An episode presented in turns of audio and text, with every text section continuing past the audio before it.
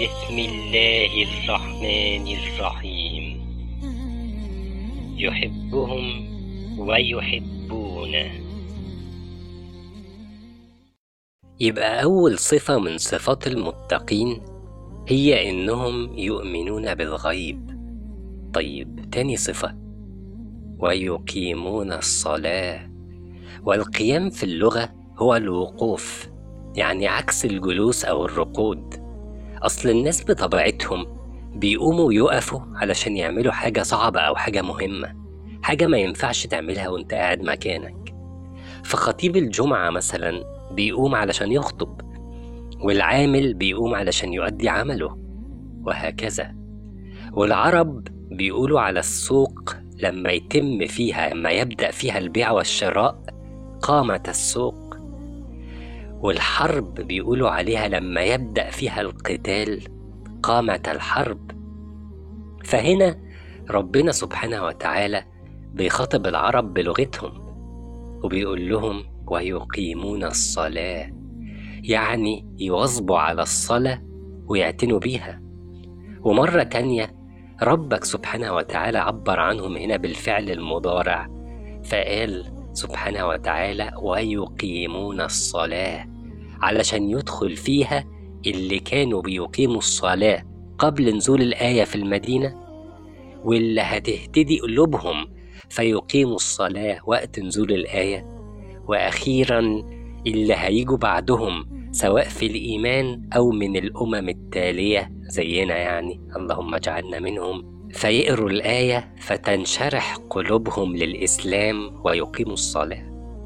فجه الفعل المضارع هنا علشان يعبر عنهم جميعا. وكمان الفعل المضارع زي ما قلنا في الحلقة السابقة بيفيد الاستمرارية. فكل فريق من دول مش بس بيقيم الصلاة مرة أو مرتين لكن كلما جاء وقت الصلاة كلما أقاموها واعتنوا بها طيب إيه هي الصلاة؟ العرب استعملوا كلمة صلاة بمعنى الدعاء واستعملوه بمعنى العبادة لكن الصلاة المقصودة هنا في الآية هي صلاة المسلمين اللي فيها القيام وقراءة القرآن والركوع والسجود والتسليم إلى آخره وقال بعض علماء اللغة إن لفظ صلاة مشتق من الصلاة اللي هو عرق في ظهر البني آدم في وسط ظهر البني آدم بيمتد إلى أسفل ظهره تحت. وإن المصلي لما بينحني في الركوع والسجود العرق ده بيتحرك ومن هنا اتسمت الصلاة. لكن في النهاية يبقى المعنى هو الاعتناء بأفعال الصلاة بجانب الخشوع والتذلل لله. ليه بقى الكلام ده مهم؟ وليه صفة إقامة الصلاة؟ جت تاني حاجة في وصف المتقين بعد الإيمان بالغيب.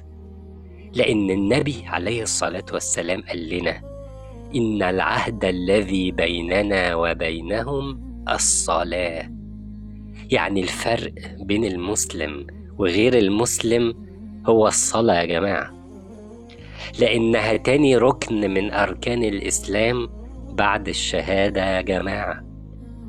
لأن ربنا سبحانه وتعالى قال لنا عن الصلاة في سورة الروم وأقيموا الصلاة ولا تكونوا من المشركين. ولأن النبي عليه الصلاة والسلام قال لنا عن الصلاة في الحديث اللي في صحيح مسلم إن بين الرجل وبين الشرك والكفر ترك الصلاة. يبقى الطبيعي إنها زي ما جت تاني ركن من أركان الإسلام إنها تبقى تاني صفة من صفات المسلمين. اسمع تاني حديث النبي في صحيح مسلم. إن بين الرجل وبين الشرك والكفر ترك الصلاة. يعني اللي بينك وبين الشرك والكفر يا مسلم هو إنك ما تصليش.